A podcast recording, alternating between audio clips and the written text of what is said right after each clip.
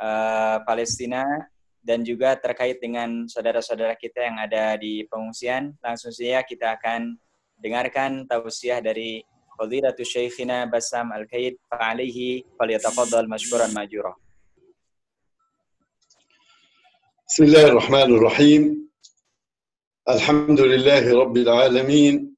وافضل الصلاه واتم التسليم على سيدنا محمد النبي الهادي الامين وعلى آله الطيبين الطاهرين وصحابته الغر المحجلين ومن تبعهم بإحسان إلى يوم الدين.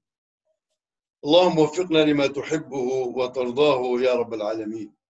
اللهم بارك لنا في رمضان وما بقي من رمضان واجعلنا فيه من العتقاء من النار يا رب العالمين.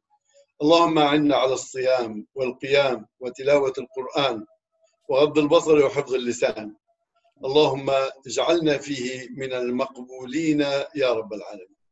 آمين. أيها الإخوة الكرام السلام عليكم ورحمة الله وبركاته.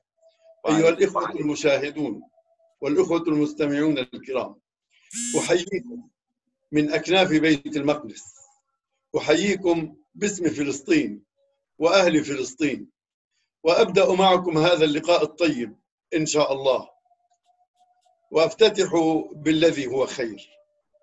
يقول المولى سبحانه وتعالى في كتابه العزيز إذا جاء نصر الله والفتح ورأيت الناس يدخلون في دين الله أفواجا فسبح بحمد ربك واستغفره إنه كان توابا. صدق الله العظيم. سورة النصر. نصر الله سبحانه وتعالى لحبيبه محمد صلى الله عليه وسلم بعد أن أكرمه بفتح مكة بعد أن أكرمه بدخول بيت الله الحرام بعد الهجرة منه والخروج منه لأكثر من عشر سنين. عودة النبي صلى الله عليه وسلم فاتحا مظفرا تحت قول الله أكبر الله أكبر ولله الحمد. لا إله إلا الله وحده صدق وعده ونصر عبده وعز جنده وهزم الأحزاب وحده. لا إله إلا الله ولا نعبد إلا إياه. مخلصين له الدين ولو كره الكافرون. وخرت الأصنام على نعم. وجوهها ورفع لواء الله سبحانه وتعالى. نعم ما شاء الله ما شاء الله. نعم يا شيخ هذا شوية النص. شوية شوية تفضل آم نعم أنا أترجم يعني شوية شوية توكل على الله Allah, Allah, Allah yubariku fikum, Syekhana. Bismillahirrahmanirrahim. Pertama, Syekh mengawali tausiah beliau di sore hari ini dengan memuji Allah Subhanahu wa taala dan juga bersolawat dan salam kepada Rasulullah Shallallahu alaihi wasallam dan juga beliau menyampaikan salam untuk kita mewakili saudara-saudara kita yang berada di bumi Palestina. Dan beliau menyampaikan bahwa kami berada di Aknaf Baitul Maqdis, berada di pintu gerbang menuju Baitul Maqdis, mewakili saudara-saudari Palestina menyampaikan salam dan tahiyah yang setinggi-tingginya untuk seluruh kaum muslimin. Dan mudah-mudahan di bulan suci Ramadan ini amal ibadah kita baik itu di hari yang sudah lewat dan sisa-sisa yang berada di bulan Ramadan semuanya membaca Al-Qur'an kita, puasa kita semuanya diterima oleh Allah Subhanahu wa taala. Kemudian Syekh mengawali perjumpaan di sore hari ini dengan membacakan firman Allah Subhanahu wa taala di surah An-Nasr di mana Allah Subhanahu wa taala berfirman, "Idza jaa nasrullahi wal fath." Dan ketika pertolongan dan kemenangan dari Allah Subhanahu wa taala itu datang, wa ra'aitan nasa yadkhuluna fi dinillahi afwaja. Dan kau melihat orang berbondong-bondong memasuki agama Allah Subhanahu wa taala. Kata beliau, ini ayat disampaikan kepada Rasulullah Shallallahu alaihi wasallam ketika beliau setelah 10 tahun lamanya berhijrah dari kota Mekah menuju kota Madinah. Dan akhirnya Allah Subhanahu wa taala berikan Fathu Makkah setelah melewati 10 tahun. Dan mudah-mudahan ini menjadi kenikmatan yang besar yang diberikan oleh Allah Subhanahu wa taala setelah Allah Subhanahu wa taala memberikan kesempatan kepada Rasulullah Sallallahu Alaihi Wasallam untuk melakukan hijrah ke kota Madinah dan akhirnya bisa kembali ke kota Mekah. Nah, ya Syekh. هذا النصر أتى كتتويج لسنة من سنن الله سبحانه وتعالى سنها على البشرية جمعاء وبداية على الأنبياء. قضية الخروج والإخراج من البلاد قضية اللجوء. وأول لاجئ في الدنيا في البشرية جمعاء هو آدم عليه السلام الذي أخرج من الجنة على أمل أن يعود إليها مع الصالحين وال والأتقياء من ذريته ومن أبنائه وأحبابه وأتباعه سنة الخروج من البلاد نعم Masya Allah.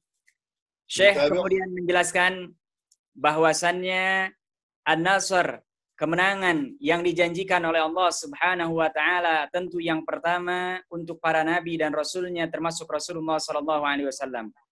Kemudian juga bahwa kemenangan itu akan terus diwarisi oleh seluruh kaum muslimin sampai kapan pun.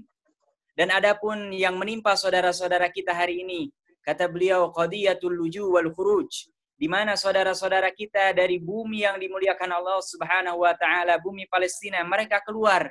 Itu adalah bagian daripada sunnatullah.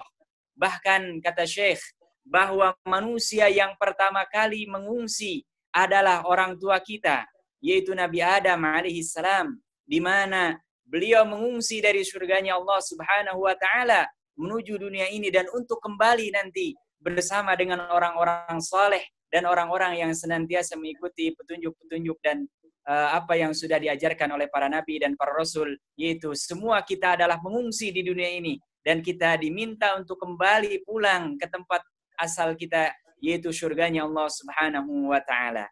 Nah.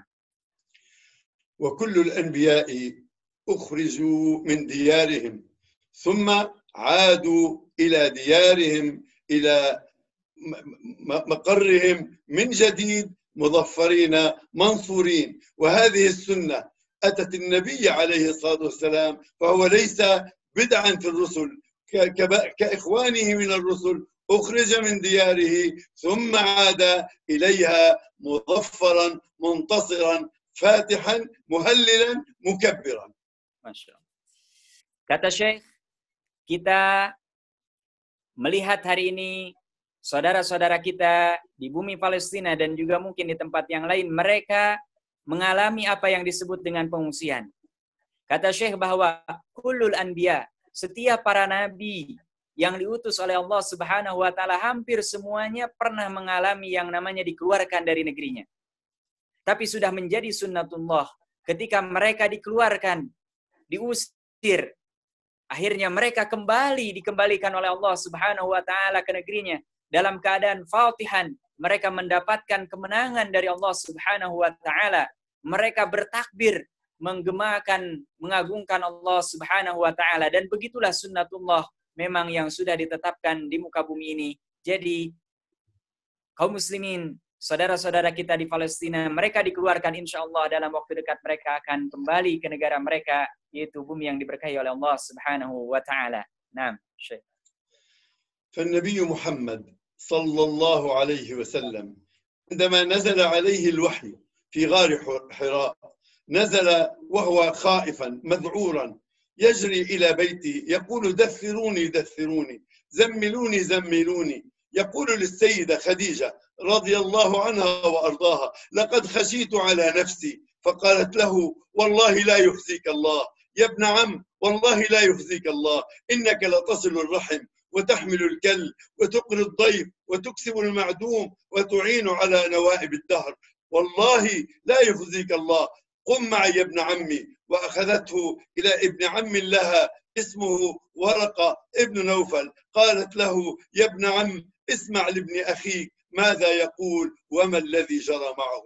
فقص عليه النبي صلى الله عليه وسلم الذي جرى معه فقال له ورقة ابن نوفل عدة كلمات. وهذه الكلمات هي نتابع بعد قليل. Nah, Masya Allah. Kemudian Syekh juga menyampaikan bahwasannya awal pertama kali Rasulullah Shallallahu Alaihi Wasallam mendapatkan wahyu adalah ketika beliau sedang bertahanus di Gua Hira. Kemudian tiba-tiba beliau didatangi oleh malaikat Jibril. Kemudian beliau merasakan ketakutan yang sangat luar biasa dan merasakan badannya seakan-akan menggigil. Kemudian keluar dari Gua Hira. Kemudian pulang ke rumahnya menemui istrinya tercinta Khadijah radhiyallahu taala anha wa Kemudian mengatakan sambil berteriak-teriak karena merasakan betapa dahsyatnya ketika wahyu turun. Dasiruni, dasiruni, zammiluni, zammiluni. Tolong selimuti aku, tolong selimuti aku. Kemudian kata istrinya Khadijah radhiyallahu taala anha wa menghiburnya mengatakan wallahi ya am wahai anak pamanku maksudnya Rasulullah sallallahu alaihi wasallam engkau ini tidak perlu takut karena engkau ini orang baik tandanya apa engkau bersilaturahim engkau membantu orang, engkau adapun siapa pun yang membutuhkan hajat kau bantu mereka. Sampai akhirnya Rasulullah Shallallahu Alaihi Wasallam merasakan ketenangan dan dibawa kepada anak pamannya itu Warakah bin Naufal. Warakah bin Naufal kemudian diceritakan oleh Khadijah radhiyallahu taala bahwa suaminya Muhammad Shallallahu Alaihi Wasallam seperti ini kemudian diminta Rasulullah Shallallahu Alaihi Wasallam untuk menyampaikan apa yang sebenarnya terjadi dan inilah nanti yang akan disampaikan oleh Syekh terkait dengan apa yang uh, tema kita bahas pada sore hari ini. Nah. فقال له ورقة عدة كلمات الكلمة الأولى قال له إن هذا الذي يأتيك هو الناموس الذي أتى على موسى وعيسى وغيرهم من الأنبياء والكلمة الثانية إني أرجو الله سبحانه وتعالى أن تكون نبي آخر الزمان وكان ورقة قد قرأ في الكتب. سمع النبي صلى الله عليه وسلم هذان الأمران ولم يعلق عليهما أبدا حتى قال ورقة الكلمة الثالثة. قال ليتني أكون يومها جزعا حين يخرجك قومك. فانتفض النبي صلى الله عليه وسلم وقال أو مخرجيهم؟ فقال له ورقة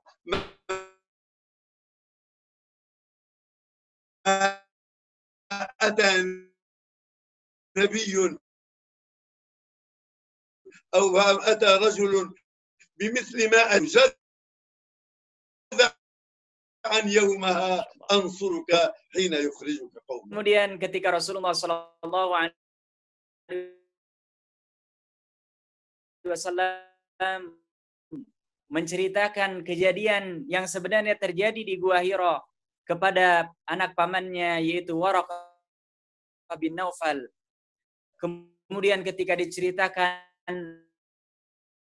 Waraqah bin Naufal menceritakan oleh Rasulullah SAW ini adalah yang kedua kata Waraqah bin Naufal arju an takuna nabi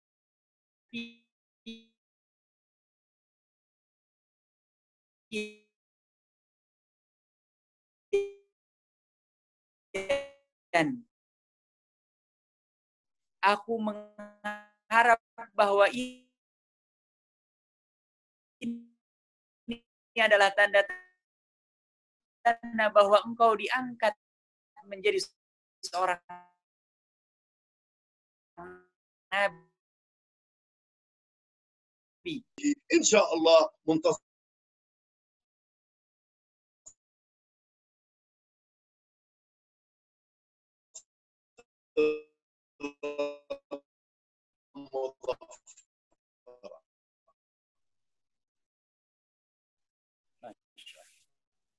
Kemudian lihat apa yang terjadi ketika Rasulullah Shallallahu Alaihi Wasallam disampaikan ketika awal menerima Allah Shallallahu Alaihi Wasallam. Wahai kota Mekah, sesungguhnya aku mencintaimu dan sesungguhnya engkau juga mencintaiku dan aku sebetulnya tidak ingin keluar dari kota Mekah ini kecuali karena memang penduduk Mekah yang mengusirku.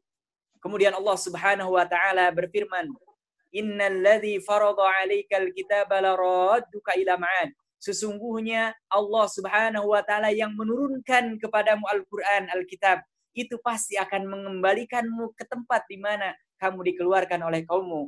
Makanya Allah Subhanahu wa taala akhirnya mengembalikan lagi Rasulullah Sallallahu alaihi wasallam setelah terusir dari kota Mekah bisa kembali lagi kota Mekah setelah berhijrah 10 tahun lamanya di kota Madinah. Nah, ya Syekhuna. ولجأ عليه الصلاة والسلام إلى المدينة ووجد هناك أنصارا أعانوه على دعوة الله سبحانه وتعالى والعودة إلى بيت الله مظفرا منتصرا فاتحا والحمد لله رب العالمين. Kemudian jemaah sekalian yang dirahmati Allah Subhanahu wa taala kata Syekh, bahkan Allah Subhanahu wa taala ketika Rasulullah Shallallahu alaihi wasallam berhijrah ke kota Madinah, beliau tidak dalam keadaan susah. Beliau tidak dalam keadaan kesulitan.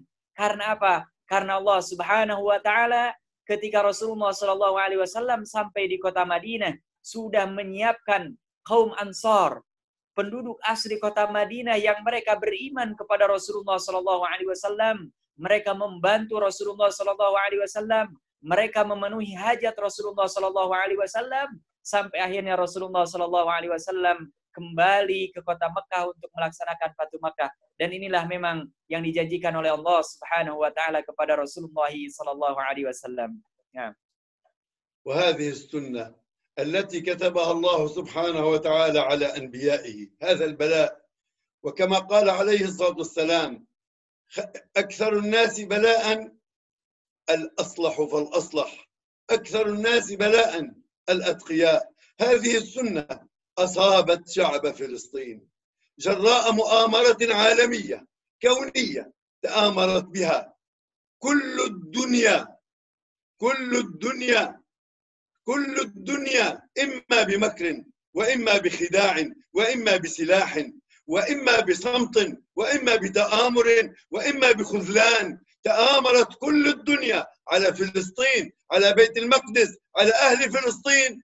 وأصاب أهل فلسطين ما أصابهم من القتل من المجازر من التهجير. وهذا كله يساوي بعضه بعضا كما قال الله سبحانه وتعالى ولو أنا كتبنا عليهم أن اخرجوا من دياركم أو اقتلوا أنفسكم ما فعلوه إلا قليلا. هذا القضاء هذا البلاء كتب على أهل فلسطين وعلى شعب فلسطين فنزح من نزح وهاجر من هاجر وقتل من قتل وثبت من ثبت في فلسطين. ونحن كتب علينا البلاء كتب علينا النصيب من الهجرة من التهجير من اللجوء إلى لبنان. ونحن الآن لا زلنا في لبنان نعد العدة ثابتون على أمر الله ماضون على سنة رسول الله صلى الله عليه وسلم حتى يكتب الله لنا سبحانه وتعالى ما كتبه لنبيه عليه الصلاة والسلام من العودة إلى بيت المقدس ظافرين منتصرين فاتحين مهللين مكبرين إن شاء الله Insya Allah, Masya Allah. Kemudian Syekh juga menyampaikan bahwa kalau di Mukaddimah itu adalah kisah yang menimpa Rasulullah Sallallahu Alaihi Wasallam. Dan hari ini yang menimpa saudara-saudara kita di bumi Palestina, di Baitul Maqdis, mereka juga mengalami apa yang telah terdialami oleh Rasulullah Sallallahu Alaihi Wasallam, di mana seluruh dunia mereka melakukan konspirasi untuk melakukan penyerbuan, pembunuhan terhadap saudara-saudara kita yang ada di Palestina. Makanya kalau kita membaca, melihat berita, mereka ada yang terbunuh, ada yang terusir, ada yang ditawan.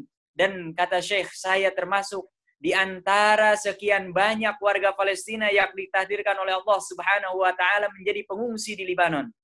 Dan saya sampai hari ini sabat berusaha untuk tetap menjalankan apa yang sudah ditugaskan oleh Allah Subhanahu wa taala dan menunggu sampai hari ini apa yang sudah dijanjikan oleh Allah Subhanahu wa taala bahwa nanti insya Allah kita akan kembali ke bumi Palestina bertakbir, bertahlil, mengagungkan Allah Subhanahu wa taala karena ini adalah janji yang sudah dijanjikan oleh Allah Subhanahu wa taala.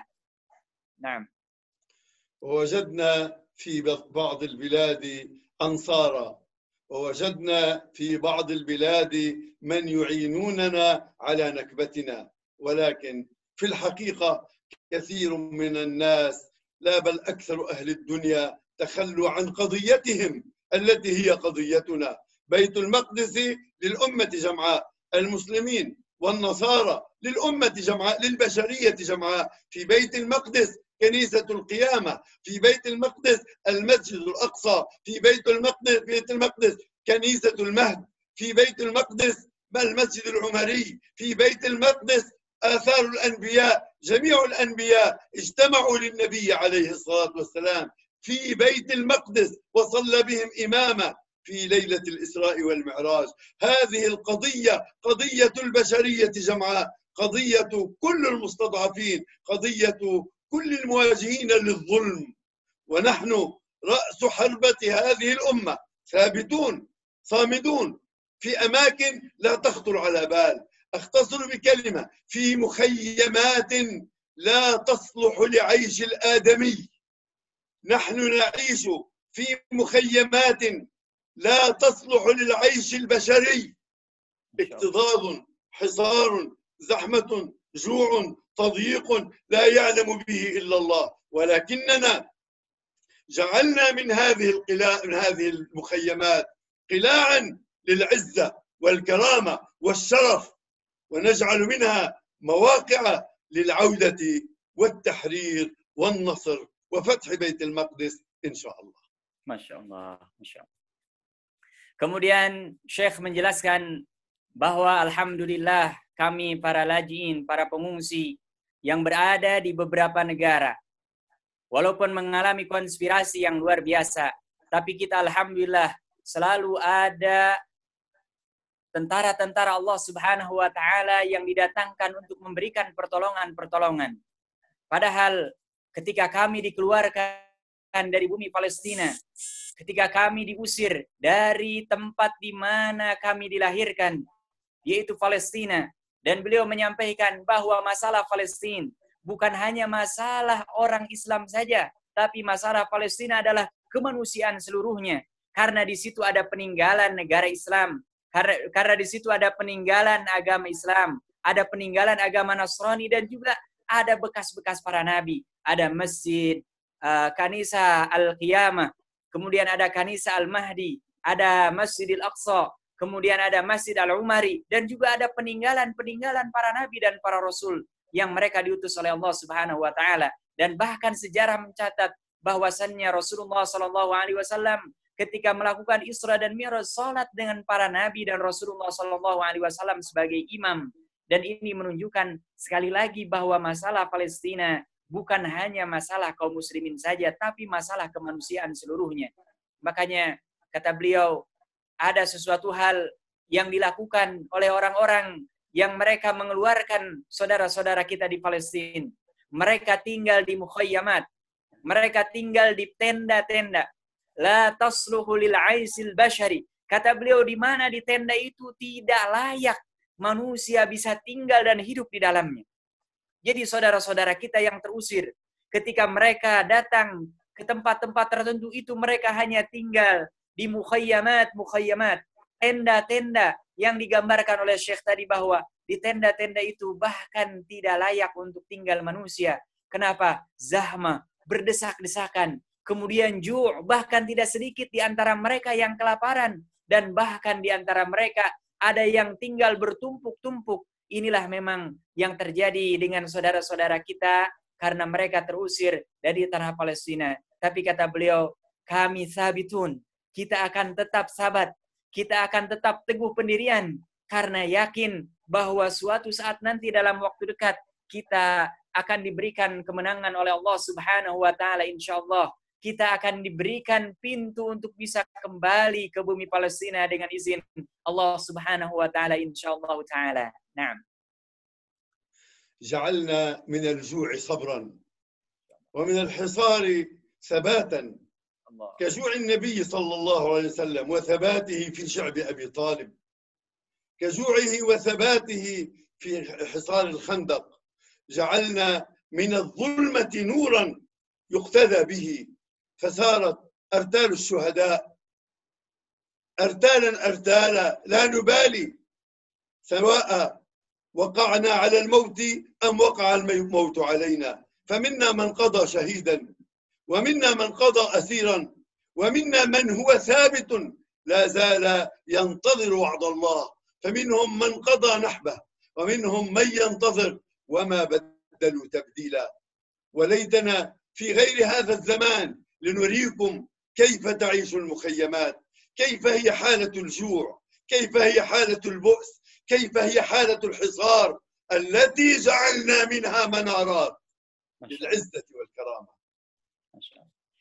Kemudian Syekh menyebutkan bahwa kami para pengungsi Palestina ketika kami diuji dengan hisar dikepung kami belajar dengan bagaimana Rasulullah Shallallahu alaihi wasallam ketika dikepung kemudian ketika kami diuji oleh Allah uh, diuji dengan kelaparan maka kami juga tergambar tentang bagaimana Rasulullah Shallallahu alaihi wasallam ketika beliau merasakan lapar di antaranya Rasulullah Shallallahu alaihi wasallam pernah dikepung tidak boleh jual beli, tidak boleh melakukan perkawinan dan lain sebagainya. Sampai-sampai ada para sahabat yang mereka memakan daun-daunan dan ketika mereka buang hajat persis yang keluarnya adalah persis seperti yang mereka makan. Dan juga kami ketika merasakan lapar, kami juga menggambarkan bagaimana Rasulullah Shallallahu Alaihi Wasallam ketika beliau di perang Hondak, beliau merasakan lapar yang luar biasa. Maka dari sini kami di tenda-tenda walaupun kami merasakan kegelapan yang luar biasa karena tidak ada penerangan, tapi justru kami menemukan cahaya yang sangat luar biasa. Karena kami yakin bahwa di tenda-tenda ini bahwa di antara kami ada yang mati. Bahwa di antara kami ada yang ter di penjara, bahwa di antara kami bahkan ada yang sampai saat ini berjuang. Itu adalah bagian daripada takdir dan pilihan yang sudah ditetapkan oleh Allah Subhanahu wa taala. Mudah-mudahan kami tetap sabat, kami tetap bisa bertahan dan berjuang untuk terus merealisasikan apa yang sudah dijanjikan oleh Allah Subhanahu wa taala. Dan kata beliau beberapa uh, ungkapan ke depan akan menjelaskan tentang bagaimana kondisi saudara-saudara kita yang berada di pengungsian, apa saja yang mereka lakukan ketika mereka berada di mukhayyamat-mukhayyamat tenda-tenda tempat di mana mereka diungsikan. Nah.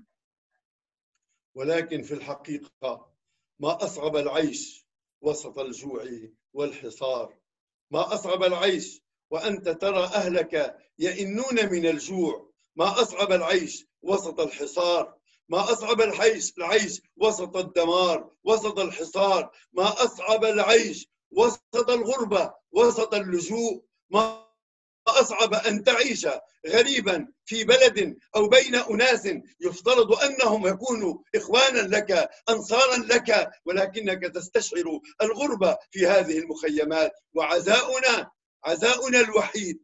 هو أن النبي عليه الصلاة والسلام هو الذي قال فطوبى للغرباء طوبى للغرباء. قيل من هم الغرباء يا رسول الله؟ قال الذين يصلحون حين فساد الأمة. فنحن نحمل راية الإصلاح في مواجهة الصهيونية العالمية في مواجهة الظلم العالمي في مواجهة المكر الدولي على أمتنا على شعبنا على أرضنا على اقصانا هذا المكر الذي إذا لم يوضع له حد سيصل إلى مكة وإلى المدينة وإلى كل الدنيا ما يخفف من مصابنا بأننا الجدار الأخير الذي لن ينهار. نحن السد الفلسطيني الذي لن ينهار. حتى لو تراجعت كل الأمة كل الأمة. ونحن في ثباتنا في هذا السد الفلسطيني في انتظار أمتنا في جنوب شرق آسيا وفي كل الدنيا حتى ندخل معهم إلى بيت المقدس. مظفرين فاتحين إن شاء الله. Masya Allah. Kemudian Syekh menjelaskan bahwa kehidupan saudara-saudara kita yang berada di pengungsian adalah betapa sulitnya, betapa susahnya. Karena apa? Karena di pengungsian sebagaimanapun tidak akan mungkin sebagaimana kita tinggal di tempat kita sendiri. Beliau menjelaskan bahwa ketika saudara-saudara kita mereka berada di pengungsian itu mereka seakan guroba, seakan-akan mereka adalah orang-orang yang asing. Mereka seakan-akan tinggal di dunia yang lain karena mereka tidak bisa menjalani hidupnya normal seperti halnya ketika mereka tinggal di negaranya. Tapi ketika mereka dalam keadaan terasing seperti ini, mereka teringat dengan hadis Rasulullah Shallallahu Alaihi Wasallam bahwasannya umat ini awalnya dianggap aneh guroba, dan juga nanti di akhir zaman juga akan dianggap aneh. Kemudian para sahabat bertanya kepada Rasulullah Sallallahu Alaihi Wasallam, siapa itu yang guraba? Siapa mereka orang yang dianggap aneh? Kemudian jawaban Rasulullah Sallallahu Alaihi Wasallam adalah orang yang dia masih tetap mempertahankan kesolehannya ketika semua orang sudah melepaskan pakaian kesolehannya. Maka yang mudah-mudahan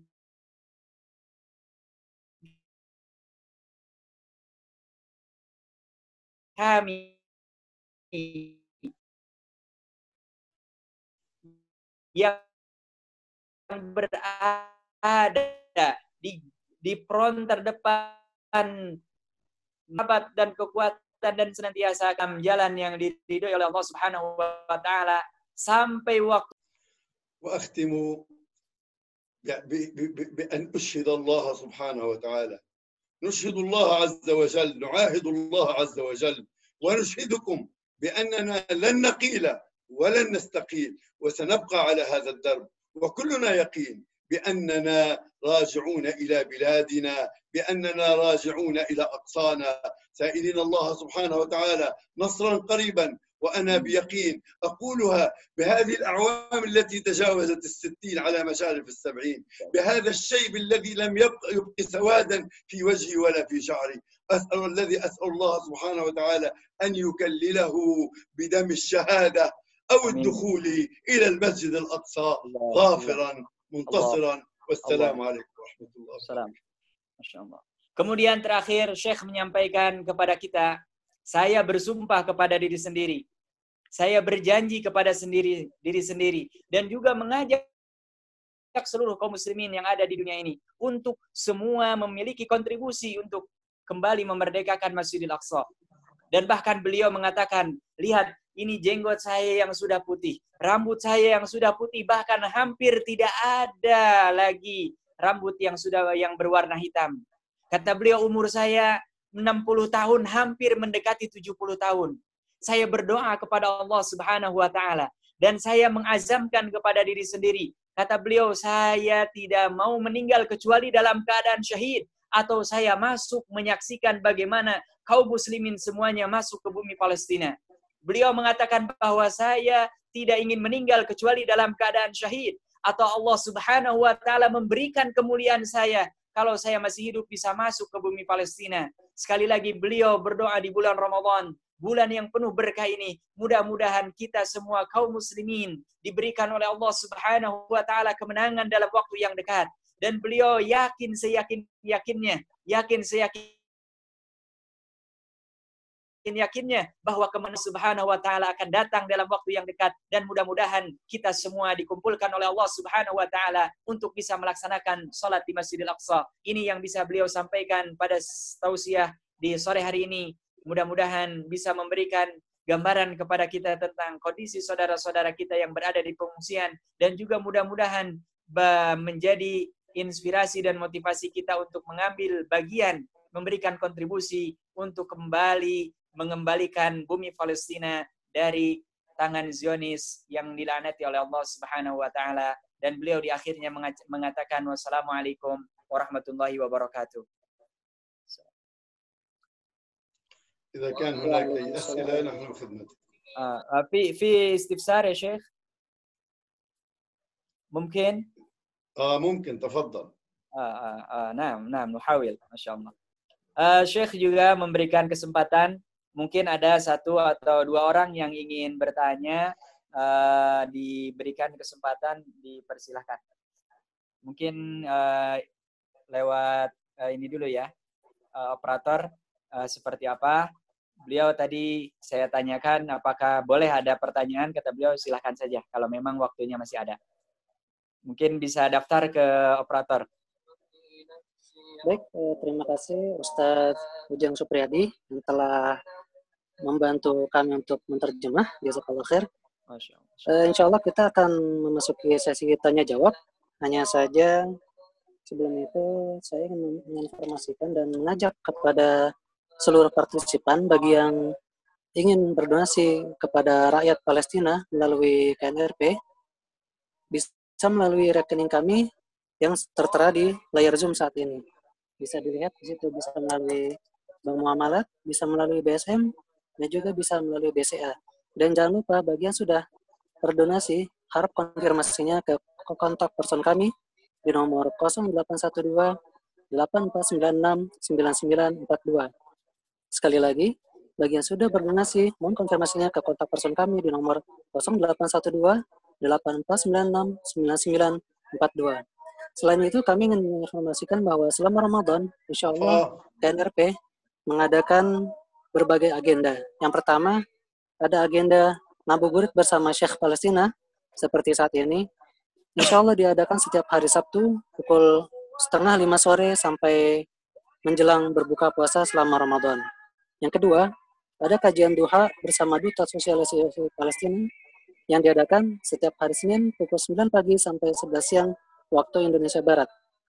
Yang ketiga, ada acara Tadabur Al-Quran setiap hari Jumat pukul 9 pagi sampai 11 siang waktu Indonesia Barat selama bulan Ramadan. Dan juga kami ada acara lain yaitu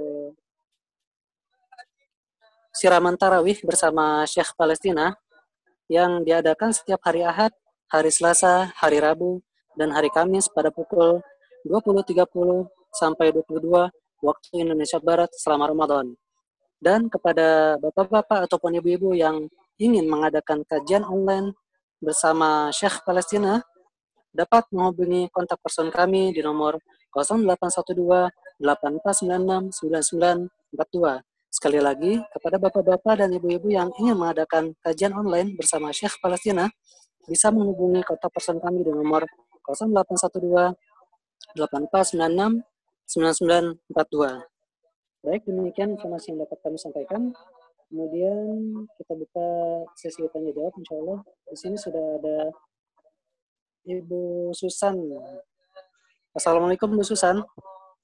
Ya, Waalaikumsalam warahmatullahi wabarakatuh. Bisa diperkenalkan nama dan asalnya? Uh, nama saya Susan dari uh, Banten. Banten. Baik, silakan Bu Susan langsung saja. Ya, uh, uh, saya pernah dua tahun yang lalu saya pernah datang ke Libanon dan pernah berkunjung ke beberapa mukayamat ya, tetapi saya lupa uh, sesungguhnya di Libanon itu ada berapa banyak mukayamat atau uh, camp-camp pengungsian uh, yang ada di Palestina.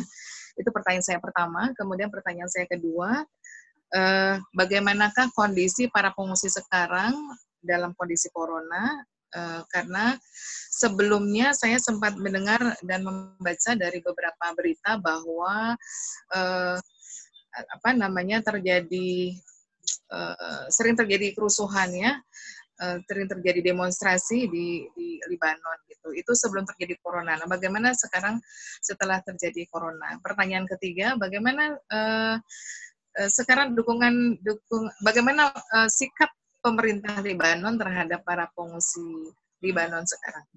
Terima kasih. Assalamualaikum طيب آه يا شيخنا آه سؤال من هذه الأم آه اسمها سوسان وهي زارت يعني لبنان قبل سنتين وزارت أيضا بعض المخيمات يعني في لبنان آه قبل سنتين آه لكن قالت هي يعني لم تعرف يعني كم في الحقيقة عدد يعني مخيمات في لبنان. طبعا آه هي كثيرة. والثاني يعني ما أوضاعهم ما أحوالهم حاليا يعني اليوم خاصة بعد وجود يعني فيروس كورونا. طبعا يعني ما أحوال في في في مخيمات. ثم الثالث السؤال الثالث ما موقف يعني حكومة لبنانية تجاه اللاجئين؟ لأن هذه الأم رأت يعني في الأخبار أن في في لبنان مظاهرات يعني مكررة يعني أكثر من مرة مظاهرات. ما موقف يعني حكومية لبنانية نحو اللاجئين الفلسطينيين؟ هذه الأسئلة الثلاثة. نعم شكرا. بالنسبة للسؤال الأول عدد الفلسطينيين في لبنان قريب من 300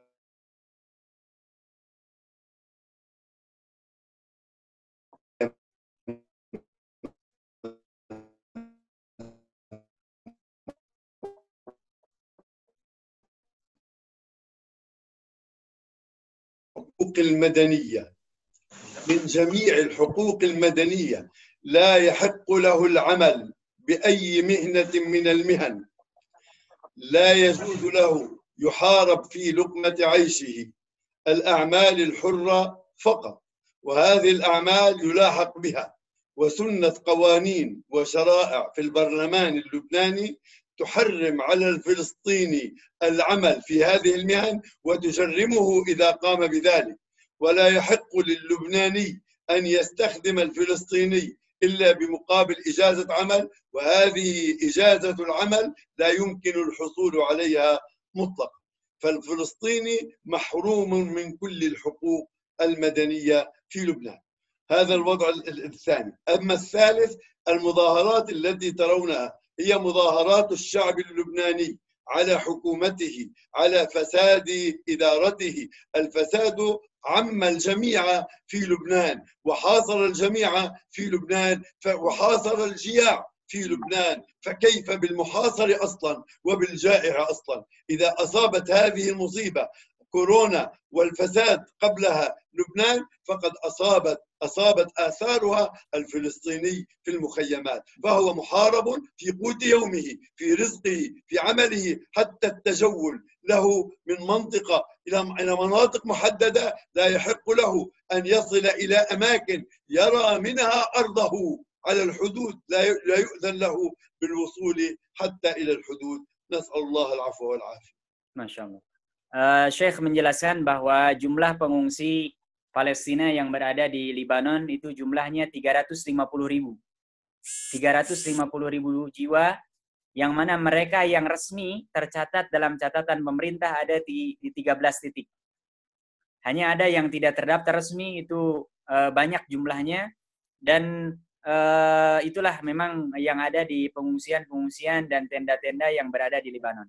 Adapun terkait dengan keadaannya, memang kata beliau ini adalah sesuatu yang sangat menyakitkan bahwa saudara-saudara kita yang asli mereka dari Palestina, mereka mahrumun ya. Mereka tidak mendapatkan hak kewarganegaraan seperti halnya orang-orang Libanon. Mereka tidak boleh bekerja tidak boleh melakukan aktivitas. Bahkan kata beliau untuk pindah dari satu kota ke kota lain saja itu mereka di, di tidak bolehkan ya. Dan kalau ketahuan mereka ada yang bekerja itu uh, parlemen ya parlemen uh, eh, DPR-nya mereka bikin undang-undang bahwa itu termasuk pelanggaran dan kalau ketahuan itu mereka bisa dipidanakan. Jadi kondisinya memang dalam uh, hal yang seperti itu. Nah, uh, kondisi saudara-saudara kita yang berada di tenda-tenda itu memang menyedihkan. Makanya pertanyaan yang ketiga, kenapa terjadi muzaharah atau demonstrasi besar-besaran? Itu sebetulnya bukan warga Palestina, tapi itu adalah asli orang Libanon sendiri. Karena mereka melihat pemerintahannya yang tidak bagus dalam mengelola negara. Bayangkan, kalau saja warga biasa, warga sipil yang asli orang Libanon sampai ada yang kelaparan, bagaimana dengan saudara-saudara kita yang mereka adalah hanya sebagai seorang pengungsi? Makanya mereka melakukan demo berkali-kali, itu mengingatkan pemerintah bahwa ada yang tidak benar dalam pengelolaan negara, dan ini mudah-mudahan beliau di akhir mendoakan mudah-mudahan kita senantiasa diberikan pertolongan oleh Allah Subhanahu wa taala terlebih karena ini dalam kondisi normal saja mereka dalam keadaan sulit apalagi seperti sekarang dengan adanya ujian virus corona. Allah taala. Nah. Baik, silakan ada yang ingin bertanya lagi. Boleh acungkan tangannya melalui fitur raise hand di Zoom. Di layar sebelah kanan bawah ada titik tiga.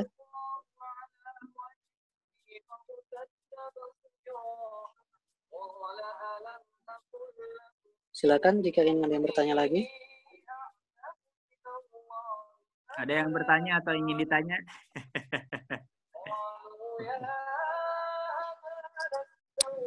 oh, itu Bu Susan katanya tuh mau lagi tuh. Ada yang disampaikan. Oh, ada nih Pak Sabar. Oh, ada. Pak Sabar. Silakan Pak Sabar sebutkan nama dan asal. Ya. Silakan uh, dengan baik. Pak Sabar di mana? Uh, Ana di Depok. Ah, di Jawa Korbia. Ah, oh, ya. Arabia, bilang Arabia. نعم نعم مباشرة مباشرة تفضل تفضل شكرا على فرصة للسؤال لشيخنا الفاضل بوجود فيروس كورونا في فلسطين هل يعني كما يعني أسمع في الخبر أن بعض الجنود من أمريكا هذا يعني يرجع إلى بلادهم أو يعني يا يعني لا لا يعمل كما عمله يعني في عندما سيطره هذا هذا الرئيس البلاد الماضي. ف يعني كما نعرف في الماضي يعني في رمضان هذا هناك يعني حروب وهناك يعني معركة يعني في فلسطين. وفي هذه يعني في رمضان هذه هل يعني هناك أيضا يعني بعض يعني إرسال يعني قنبلات يعني الأشياء التي يعني يريد قتل المسلمين في فلسطين. يعني ما رأيكم في وجود هذه يعني فيروس كورونا الذي في فلسطين؟ هل هذا يعني يوقف هذا هذا الحرب؟ شكرا يا شيخنا.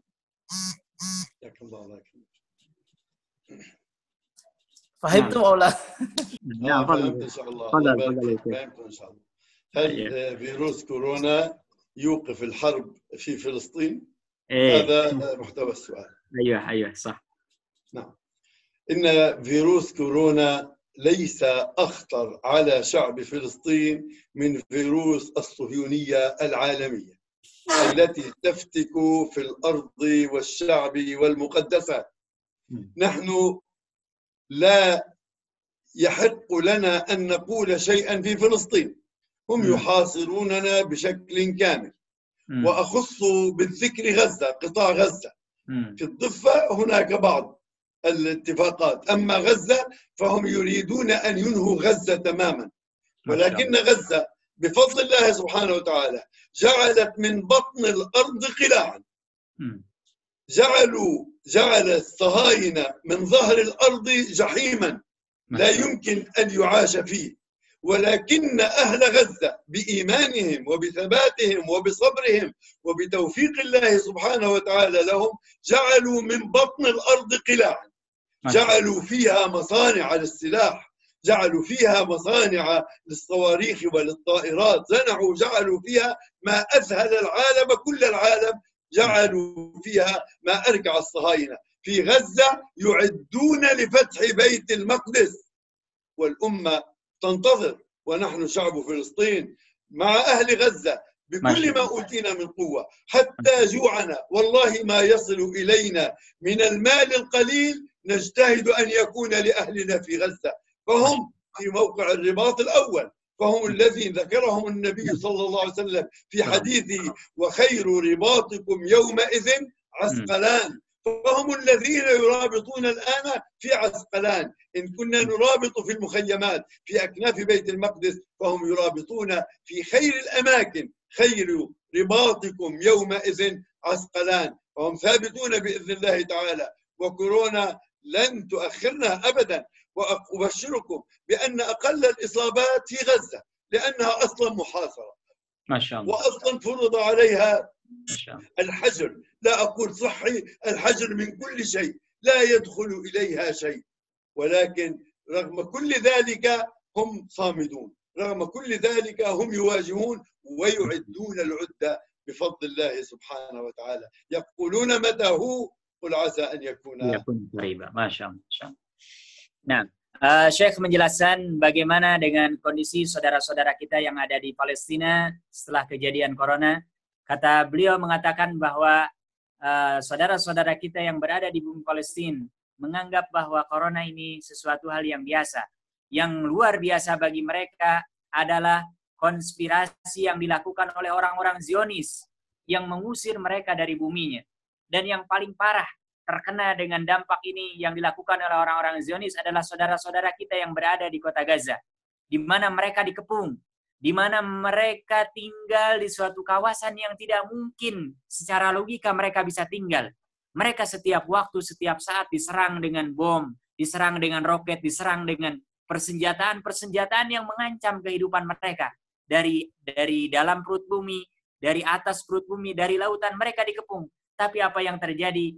Malah saudara-saudara kita di kota Gaza itu mereka melakukan perlawanan yang luar biasa. Bayangkan sebuah kota yang dikepung dari semua penjurunya, malah bisa menciptakan roket-roket, bisa menciptakan senjata-senjata, bahkan mereka bisa menciptakan sesuatu yang tidak masuk akal. Ini adalah pertolongan dari Allah Subhanahu wa taala. Dan hari ini tercatat bahwa kota Gaza termasuk kota yang paling sedikit di antara warganya yang terkena virus corona. Ini adalah pertolongan juga dari Allah Subhanahu wa taala. Makanya kata beliau, kami yang berada di Libanon ketika mendapatkan bantuan untuk kami yang di Libanon walaupun kami dalam keadaan kelaparan, kami sampaikan kepada yang memberikan bantuan itu supaya dikirim juga kota Gaza. Karena mereka itu adalah front terdepan kata Syekh. Ya. Dan ini yang dijanjikan oleh Allah, dijanjikan oleh Rasulullah Wasallam. Wa khairu ribatikum dan sebaik ribat nanti kalian pada hari itu kata Rasulullah Sallallahu Alaihi Wasallam adalah Asqalan, yaitu di Asqalan dan Asqalan itu adanya di kota Gaza. Makanya mereka adalah yang terbaik hari ini mereka berjuang karena mereka berada di front terdepan. Juga kita di sini sama-sama berjuang dan seluruh kaum muslimin yang berada di seluruh dunia mereka berjuang dan insya Allah kata beliau yakin dengan seyakin-yakinnya dengan izin Allah Subhanahu wa taala dan ikhtiar kita sebagai manusia dalam waktu dekat Allah Subhanahu wa taala akan mengembalikan Palestina, akan mengembalikan Baitul Maqdis kepada kita. Kemudian waktunya kafan asa an yakuna qariba. Insyaallah dalam waktu yang dekat dengan izin Allah Subhanahu wa taala.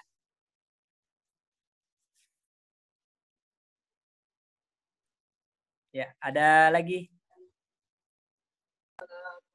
Uh, baik, uh, ada yang bertanya lagi, Bapak Fardas. Assalamualaikum, Bapak Fardas.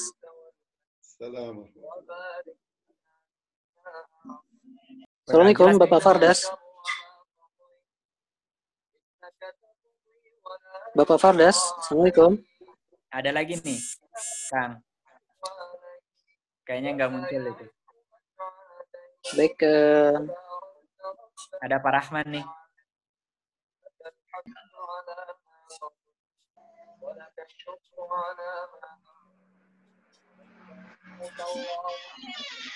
Ini Bu Susan. Assalamualaikum. Baik, kita lanjut ke penanya berikutnya saja dengan Bapak Rahman Refli ya. Assalamualaikum Bapak Rahman. Waalaikumsalam. Ya, dari mana Bapak? Fana min Jambi Sumatera. Oh dari Jambi Sumatera. Silakan Bapak Rahman. لست عباد بل أنا طلاب الطالب العلمي آه ما شاء الله تفضل تفضل أريد أن أسأل سؤالا كيف كان الحال بطلاب العلم في فلسطين هل كان مجلس العلم أم, لا أيوه خلاص فقط آه ما شاء الله.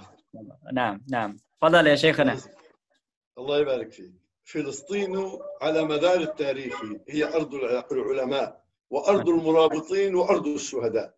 العلماء في فلسطين لا يكادون يحصون. لا تكاد تجد بيتا من البيوت إلا وفيه إجازات علمية عالية. هذا من جميع النواحي. إن كان في الأطباء والمهندسين والمز... في كل الاختصاصات والمدرسين وغيرها. وأكثر الاختصاصات الاختصاص الشرعي. فتجد الطبيب العالم الديني. فتجد الدكتور عبد العزيز الرنتيسي طبيبا وعالما في الدين ومجاهدا. تجد الشيخ أحمد ياسين مدرسا وعالما وثائرا. وتجد العشرات والمئات ولن أبالغ وأقول الآلاف وحقيقة يوجد الآلاف من العلماء في كل المجالات يبدعون في كل المجالات وخاصة حلق الذكر حلق العلم. طلابنا في كل المدارس يواظبون على حفظ القرآن الكريم. في العام الماضي تخرج من غزة أربعين ألف حافظ لكتاب الله من طلاب المدارس أصلا. هم أصلا من طلاب المدارس بشكل الدروس المدنية. ونحن ليس عندنا مدني كلها شرعية. هذا واجب على الكفاية وهذا واجب على الجميع. فكل طلابنا أو معظم طلابنا يتلقون العلم في المدارس الرسمية ويتلقون العلوم الشرعية في المساجد وفي حلق القرآن والذكر. وكذلك طلاب الجامعات يتلقون العلوم الشرعية في أماكن تواكب هذا الأمر. فيتخرج عندنا العلماء العاملون في كل المجالات. طبيب في الزراعة طبيب أخصائي في الزراعة وطبيب في البيطرة حيوان وطبيب في معالجة البشر وهو في نفس الوقت عالم من علماء الشريعة الإسلامية. ما شاء الله. فلسطين أرض العلم والعلماء والمرابطين والشهداء. أنا على سبيل المثال أنا على سبيل المثال حائز على البكالوريوس في الرياضيات. الله. وماجستير في العلوم الشرعية. ما شاء الله والآن وأنا شارفت بشارف السبعين أحضر أو رسالة الدكتوراه جاهزة للمناقشة في العلوم الله. الشرعية بفضل الله تعالى ما شاء الله ما شاء الله uh, Syekh menjelaskan uh, tadi ada yang bertanya saudara kita uh, yang dari Jambi menanyakan bagaimana kondisi para tulabul ilm yang ada di bumi Palestina. Syekh menjelaskan bahwa alhamdulillah dari dulu dalam bentangan sejarah bahwa Palestina adalah ardul ulama, negerinya para ulama. Wa ardul murabitin dan negerinya di mana banyak orang yang melakukan ribat. Wa ardul syuhada dan termasuk negeri di mana banyak orang-orang yang mereka uh, menjadi syahid di jalan Allah Subhanahu wa taala. Sampai hari ini alhamdulillah tradisi itu masih mengakar kuat berada di masyarakat saudara-saudara kita yang ada di Palestina. Bahkan kata beliau, hampir tidak ada satu rumah pun pasti di situ ada seorang alim. Bahkan kata beliau bukan hanya memiliki satu keahlian di bidang ilmu, tapi memiliki beberapa keahlian. Dia tabib sebagai seorang dokter, tapi dia juga alim syar'i. Dia umpamanya muhandis, seorang insinyur, tapi dia alim syar'i. Bahkan kata beliau, tahun yang lalu di kota Gaza diwisuda dari sekolah-sekolah yang ada di kota Gaza 40 ribu wisudawan yang semuanya hafal Al-Quran dan itu bukan hmm, sekolah yang khusus untuk hafalan Al-Quran tapi sekolah-sekolah biasa. Ini membuktikan bahwa memang uh, bumi Palestina adalah bumi para ulama dan termasuk beliau sebutkan beberapa tokoh-tokoh yang terkenal Abdul Aziz Ar-Rantisi. Beliau adalah seorang dokter tapi juga beliau seorang alim syar'i. Bahkan beliau menjadi seorang mujahid dan uh, terbunuh. Kemudian juga Syekh Ahmad Yasin. Beliau adalah mudarris, seorang guru. Kemudian juga beliau adalah alimun syar'i dan sair juga orang yang mem membuat uh, warga Palestina mereka mau melakukan perlawanan. Kemudian kata beliau sebagai contohnya saya ya yang sudah mendekati umur 70 tahun. Saya S1-nya BA Baccalaureus adalah ilmu riyadhiyah, matematika. Kemudian S2-nya Magister, yakni ulum syar'iyah. Beliau ngambil S2-nya jurusan yakni ilmu syariah. Dan bahkan beliau, kata beliau, sampai sekarang saya sudah 70 tahun, mungkin untuk apa nggak masih ngambil gelar? Saya sedang menyiapkan dan sudah jadi risalah doktoral, disertasi doktor, ya, disertasi dokter yang siap disidangkan. Padahal usia saya sudah mendekati 70 tahun. Tapi inilah memang Palestina dari dulu seperti beliau sampaikan dari awal bahwa Palestina adalah ardul ulama dan mudah-mudahan ini akan terus terjaga dan beliau memang seperti inilah kondisi dan tradisi yang sudah mengakar uh, untuk saudara-saudara kita yang berada di Palestina. Nah, syukur. Baik, uh, 6 lebih tadi, 5. Iya, kita masih sekitar 10 menit lagi ya. Ini ada yang dua orang bertanya siapa? Oh, Bu Susan dan oh, Bu Susan. Tadi Pak Fardas ingin bertanya dulu, nanti Bu Susan ya. Pak Fardas dulu kita coba hubungi lagi. Iya, Assalamualaikum Bapak Fardas. Tapi nggak jelas. Halo, halo. Assalamualaikum Bapak Fardas. Waalaikumsalam, dengar? Ya, Bapak Fardas, silakan perkenalkan dirinya dengan siapa dan dari mana? Silakan. Ya, nama saya Fardas dari Riau. Ah, Riau, Masya Allah. Baik, Ada pertanyaan? Silakan. Uh, كيف حال شيخنا؟ حياك الله. صباح الخير. ولكن يعني سمعت أخبار آلاف فلسطينيون في لبنان بلا أوراق ثبوتية. الأخبار صحيح يعني؟ الفلسطيني في لبنان لا يحمل أوراق ثبوتية. نعم الفلسطيني في لبنان يحمل وثيقة خاصة باللاجئين الفلسطينيين. لا يحق له التجول أو السفر فيها إلا إلى عدة أماكن وبموجب بموجب آه، آه، شروط وقيود معينة، أما الأوراق الثبوتية لا, لا عندنا وثائق الزواج ووثائق الولادة ووثائق كل هذه الأمور موجودة. كل مؤسسات ضمن المحاكم الشرعية والمحاكم المدنية، لكن لا يحق لنا العمل لا يحق لنا آه، التدريس. لا يحق لنا ان كان طبيبا ان يمارس هذه المهنه، لا يحق لنا ممارسه اي مهنه في هذه آه، البلد.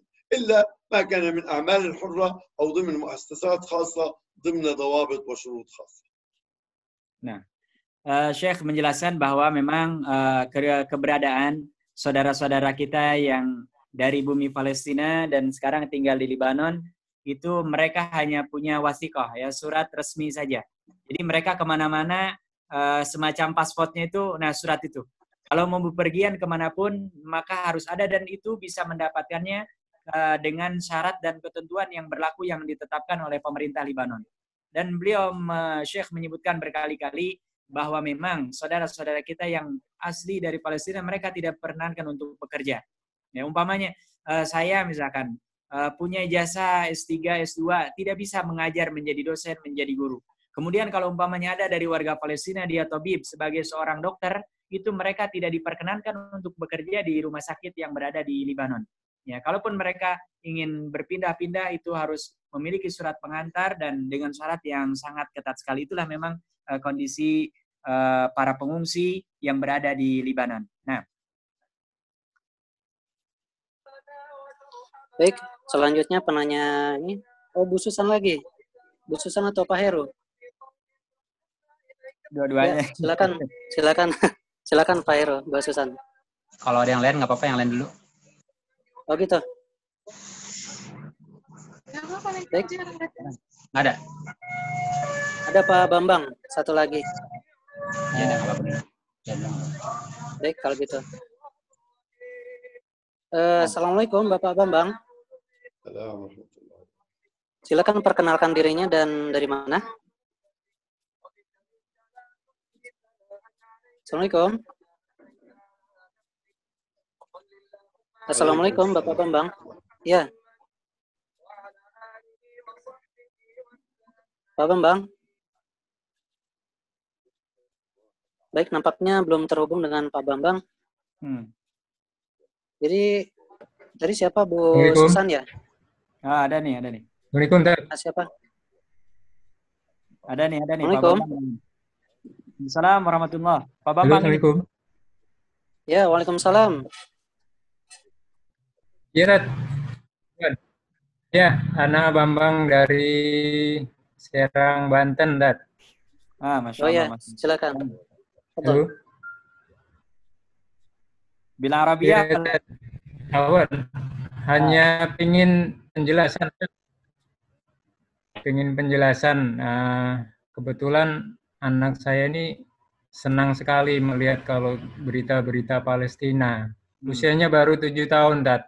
Ah, Masya Allah. Uh, mohon doanya. Uh, bagaimana bagaimana caranya menjadi relawan ke Palestina? Ini pertanyaan anak saya ini. Karena dia sangat ingin menjadi tentara di Palestina ini. Gimana tat? Syukran tat. Assalamualaikum. Masya Allah Masya Allah. Nah ya Syekh uh, هذا يعني الأخ اسمه بامبang في Banten Jawa Garbiyah يعني كان ابنه عمره سبع سنين وهو يحب يعني أخبار كثيرا عن أخبار فلسطين يا الله وهو يعني يريد أن يكون من المتطوعين ويعني في سبيل فلسطين يعني كيف يعني الطريق للحصول على هذا ما شاء الله ما شاء الله. نعم. ما شاء الله. هذا يزيدنا يقينا بنصر الله.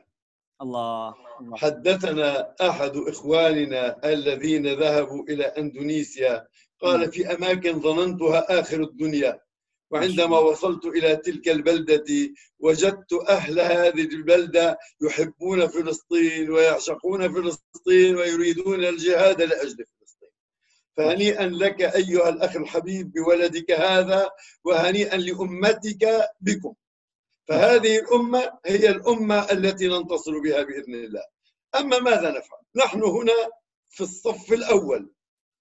نقيكم هذا العدو بإذن الله سبحانه وتعالى. ما شاء الله ما شاء الله. نحن نقيكم شره ونقيكم حتى البأس الذي عنده ومن كان خلفه. برجالنا بنسائنا بأطفالنا ترون ذلك. ترون ماذا يفعل الأطفال؟ ترون ماذا تفعل المرابطات في أرض المقدس في المسجد الأقصى؟ ندافع عن الأقصى تدافعن بأعراضهن. ما شاء الله. إذا عدم السلاح أخذنا الحجر وجعلناه سلاحا. جعلنا من السيارات أسلحة. جعلنا من الجرافات أسلحة. جعلنا من قلوبنا قنابل. لا تجزعوا. نحن نقيكم بإذن الله بأسهم. وما عليكم إلا أن تكونوا معنا. أولا أولا أولا بالدعاء لنا. بالثبات والنصر والتمكين. ثانيا ثانيا بأن تدعمونا بكل ما يمكن وخاصة الأمور المادية المال. نحن نحاصر من كل أنحاء الدنيا. والله والله والله. إنه حصار مطبق لكن لن يثنينا عن أمرنا. ثالثا قل لولدك هذا إذا كان يتقن استعمال الكمبيوتر أن يصل إلى فلسطين.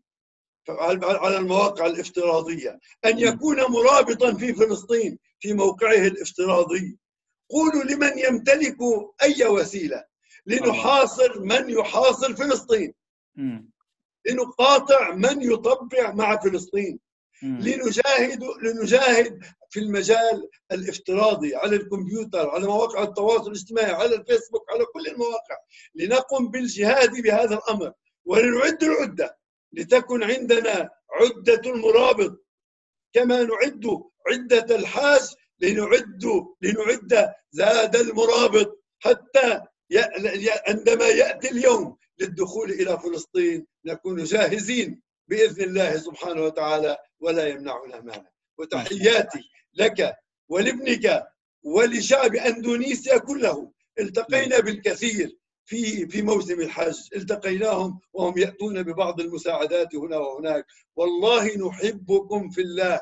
ولا نرى إلا أنكم طيور الجنة. الله. ببراءتكم ببراءتكم بوعيكم هذا الذي نسمعه. هذا ابن السبع سنوات من جنوب جاوا يفكر هذا التفكير هذا الوالد البطل. هذا من شعب بطل نزهو به ونفخر به وننتظره ننتظره للدخول فاتحين بإذن الله تعالى. ما شاء الله. Syekh menjelaskan uh, yang pertama kata beliau tahiyah. Ya selamat. Dan beruntung sekali dianugerahi anak yang seperti itu. Ya dan beliau menyampaikan bahwa ini adalah janji Allah dan yakin. Dan bahkan beliau sering mendengar dari para masyayikh yang sebelum-sebelumnya memang biasanya kita KNRP di bulan Ramadan ini ada safari Ramadan ke semua pelosok-pelosok yang ada di Indonesia. Beliau mendengar ketika para masyayikh itu pulang dari Indonesia. Demi Allah, saya ditugaskan untuk ke sebuah daerah yang mungkin itu adalah ujung dunia. Tapi saya berjumpa dengan orang-orang yang mereka menyampaikan bahwa mereka cinta Palestina, mereka rindu Palestina, mereka siap berjuang dengan saudara-saudara yang ada di Palestina. Kata beliau, ini kalau saya mendengar dari anak yang seperti ini adalah ini bagian daripada janji Allah Subhanahu wa taala. Adapun kata beliau apa yang bisa dilakukan kalau kami yang berada di front terdepan, maka kami langsung berhadap-hadapan dengan orang-orang Israel, dengan orang-orang Zionis. Kita lihat beritanya ibu-ibu, anak-anak, dan semua warga yang ada di Palestina. Mereka berjuang. Ketika mereka tidak punya senjata, mereka lawan dengan batu. Bahkan mereka kadang-kadang lupa ketika senjata tidak ada di depannya ada mobil, ambil barang yang ada di mobil itu dan mereka lemparkan. Kata beliau ini yang bisa kita lakukan dan kita jamin bahwa kami yang berada di front depan itu akan berusaha sekuat tenaga untuk menjaga Palestina. Adapun yang berada di luar Palestina, yang jauh dari negeri Palestina, Maka kata beliau ada tiga hal yang bisa dilakukan. Yang pertama, apalagi ini di bulan Ramadan, pastikan perbanyak berdoa. Doakan saudara-saudara mereka di Palestina, mudah-mudahan mereka sahabat, mudah-mudahan mereka kuat, mudah-mudahan mereka diberikan kemenangan oleh Allah Subhanahu wa taala. Dan yang kedua membantu dengan apa pun yang mungkin. Ya termasuk memberikan donasi dan menyampaikan mengajak orang untuk berdonasi ini juga adalah amal yang sangat besar. Karena beliau bukan kami meminta-minta, tapi ini kondisinya kita betul-betul dikepung sampai sama sekali tidak bisa melakukan apa aja. Dan yang ketiga kata beliau, bisa dengan kita di rumah-rumah, apalagi mereka yang ahli di bidang komputer. Semua Facebooknya, Instagramnya, isi dengan berita-berita tentang Palestina. Menjelaskan tentang bagaimana kondisi Palestina yang sesungguhnya. Itu kata beliau, jangan diremehkan. Sesuatu yang kecil, tapi sudah cukup membantu tentang saudara-saudara kita yang ada di Palestina. Jadi sebarkan berita-berita tentang kondisi Palestina, apa yang dilakukan oleh warga-warga saudara-saudara kita yang ada di Palestina itu juga bagian.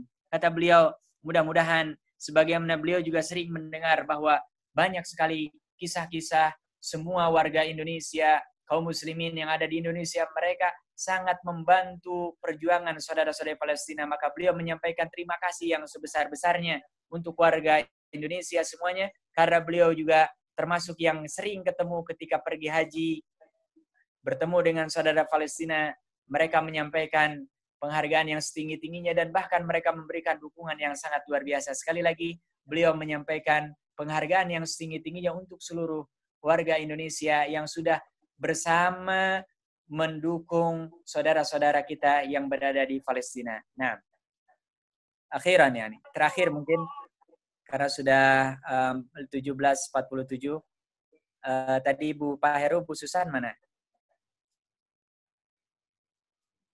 Uh, ya.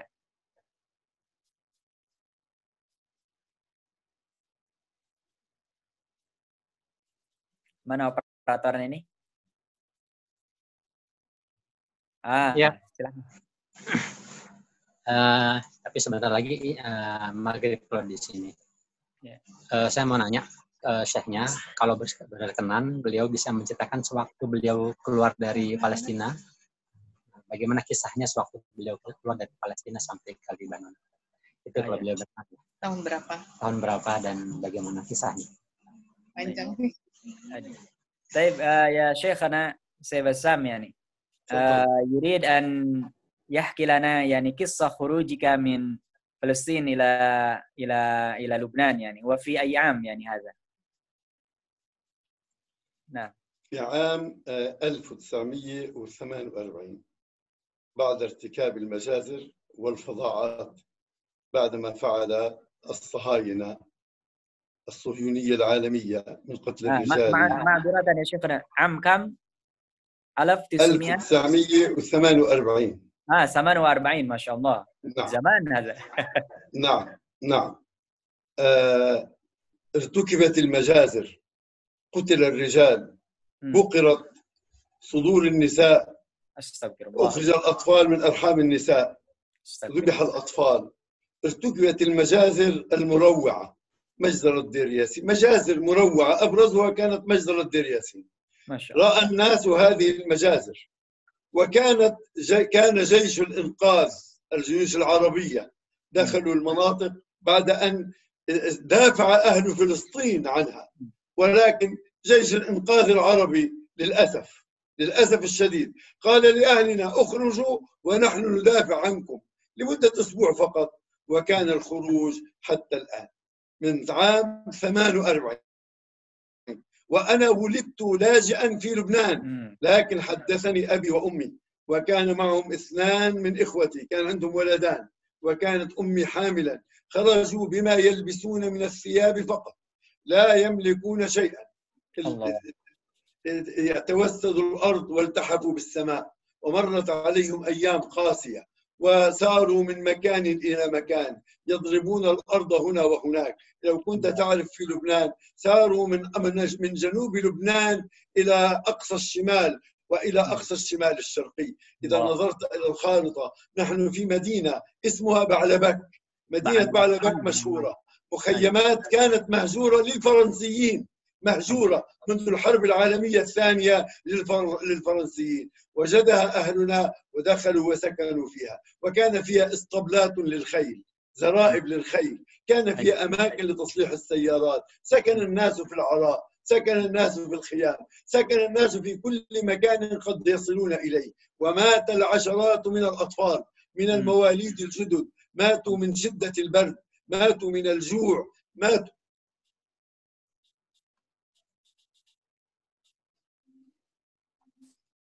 ماتوا من القهر الله. هذا بالمختصر. ولا زلنا نعيش لأن الله اصطفانا الله. لنكون رأس الحربة للأمة. الله. وسنبقى على هذا رغم كل شيء إن شاء الله. وأبشروا. القهر نقابله بالصبر. ما شاء الله. والجوع نقابله بالثبات. الله. والحصار نقابله بأن نجعل من هذه الأماكن قلاع عزة. الله. قلت فيما سبق أن المخيمات لا تصلح لعيش الآدمي. اسمعوا أيها الكرام والله إنها لا تصلح لعيش الكلاب. ولكننا جعلناها قلاعا. ما شاء الله ومعاقل للعزة والشرف والدين ومواطن للنصر إن شاء الله Allah. Masya Allah. Uh, beliau datang dari Palestina dari tahun 1948. Ya, tahun 1948 di mana di situ terjadi per orang-orang Zionis mereka mengeluarkan dan menyerang Palestina. Kemudian di sana terjadi pembunuhan besar-besaran. Kata beliau, perut-perut laki-laki itu mereka digorok, kemudian dikeluarkan semua yang ada di isinya termasuk ibu-ibu, perempuan-perempuan itu mereka yang sedang hamil, yang sedang mengandung itu juga sama, perutnya dibelah, kemudian anaknya dikeluarkan. Ya. Nah, beliau ketika saat itu uh, masih dalam kandungan ibunya. Dan pada saat itu terjadilah di mana Allah Subhanahu wa taala menggerakkan tentara Arab. Ya, tentara Arab ini gabungan dari beberapa negara, mereka datang ke Palestina untuk membantu saudara kita. Kemudian mereka bantu ke sana, datang. Kemudian ketika datang dan berjuang di sana, mereka tidak mampu. Dan akhirnya mereka katakan, ukhruju, keluar kalian. Nah, akhirnya orang tua beliau ini uh, termasuk yang mengikuti saran dan keluar. Ya, dan akhirnya beliau sampai saat ini berada di Libanon, persisnya di kota Ba'labak. Ya, di kota Ba'labak. Dan beliau sampaikan tinggal di Mukhayyam, di uh, apa pengungsian-pengungsian, tenda-tenda dan sebagian ada yang aro di tempat terbuka gitu. Jadi mereka karena sudah nggak kebagian tega kadang-kadang tinggal di tempat yang uh, tidak ada sama sekali naungannya. Ya. Dan beliau sekali lagi mengingatkan bahwa ini kami bisa tinggal di sini adalah berkat pertolongan Allah Subhanahu wa taala. Karena uh, bagaimana ketika beliau pertama kali datang ke Palestina itu beliau menyaksikan anak kecil, bayi bayi dibunuh, ada yang mereka dipotong, ditembak dan sebagainya. Bahkan beliau tadi sampai tidak bisa berbicara mungkin menyaksikan bagaimana kebiadaban saudara-saudara kita ketika mereka e, dibunuh seperti halnya bukan manusia. Bahkan kata beliau di perkemahan-perkemahan ini, demi Allah kalau saya bisa mengatakan jangankan manusia, anjing saja kalau suruh tinggal di sini belum tentu mereka bisa bertahan. Ya apalagi manusia. Tapi sekali lagi kata beliau, ini adalah pertolongan dari Allah Subhanahu wa taala dan juga termasuk pertolongan yang Allah Subhanahu wa taala datangkan melalui kaum muslimin. Mudah-mudahan kata beliau doakan kami insya Allah kita akan terus uh, sahabat dan berjuang sampai kita semua ditakdirkan oleh Allah Subhanahu wa taala bisa masuk ke Masjidil Aqsa dan melaksanakan sholat berjamaah bersama-sama. Ini yang bisa beliau sampaikan pada sore hari ini. Jazakumullah khairan ya Syekhana yani ala hadhihi al-kalimah fi fi kalimah khitamiyah yani. نعم تفضل تفضل لا تجزعوا لهذه الدموع فقد بكى النبي عليه الصلاة والسلام صلى الله عليه وسلم عند فراق ولده إبراهيم وقال إن القلب ليحزن وإن وإن على فراقك وإن العين لتدمع وإن على فراقك يا إبراهيم لمحزونون. الله. ونحن نقول إن القلب لا يخشع وإن العين لتدمع وإن على فراق أقصانا وأرضنا ومدننا وقرانا لمحزونون.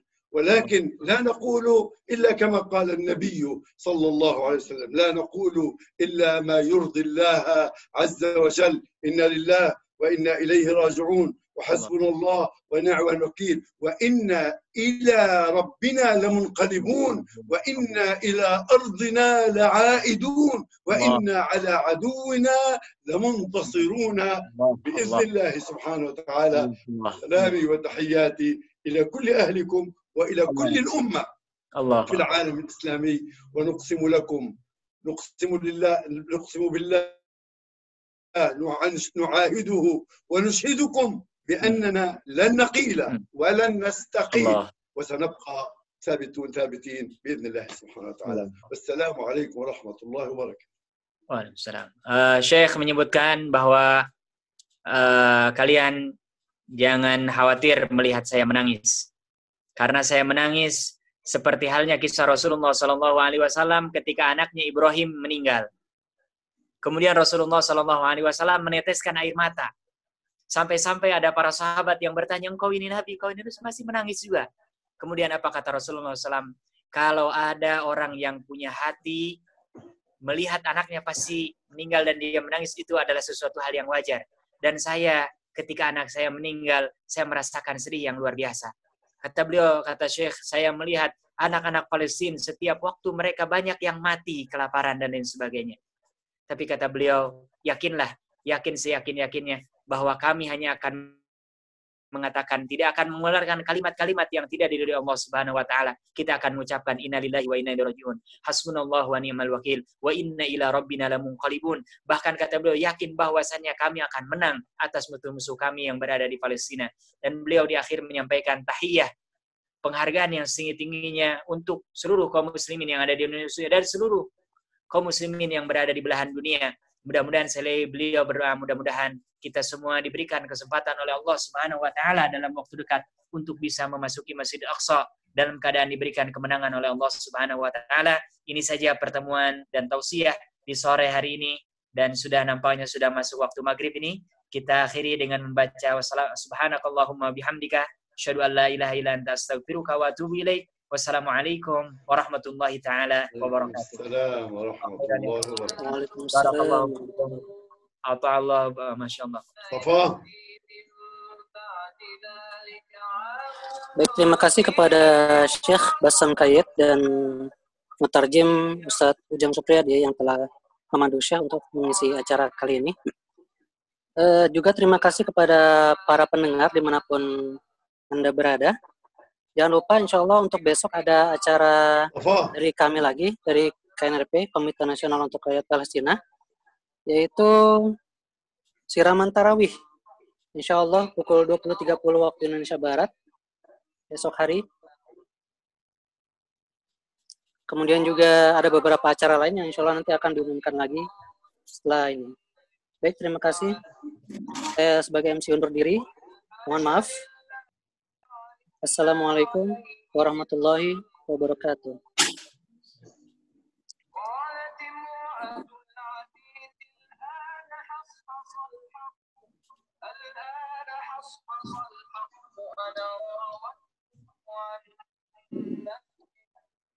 أنا راودته عن نفسه وإنه لمن الصادقين.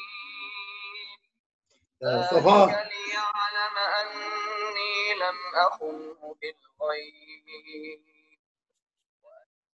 إن الله لا يهدي كيد الخائنين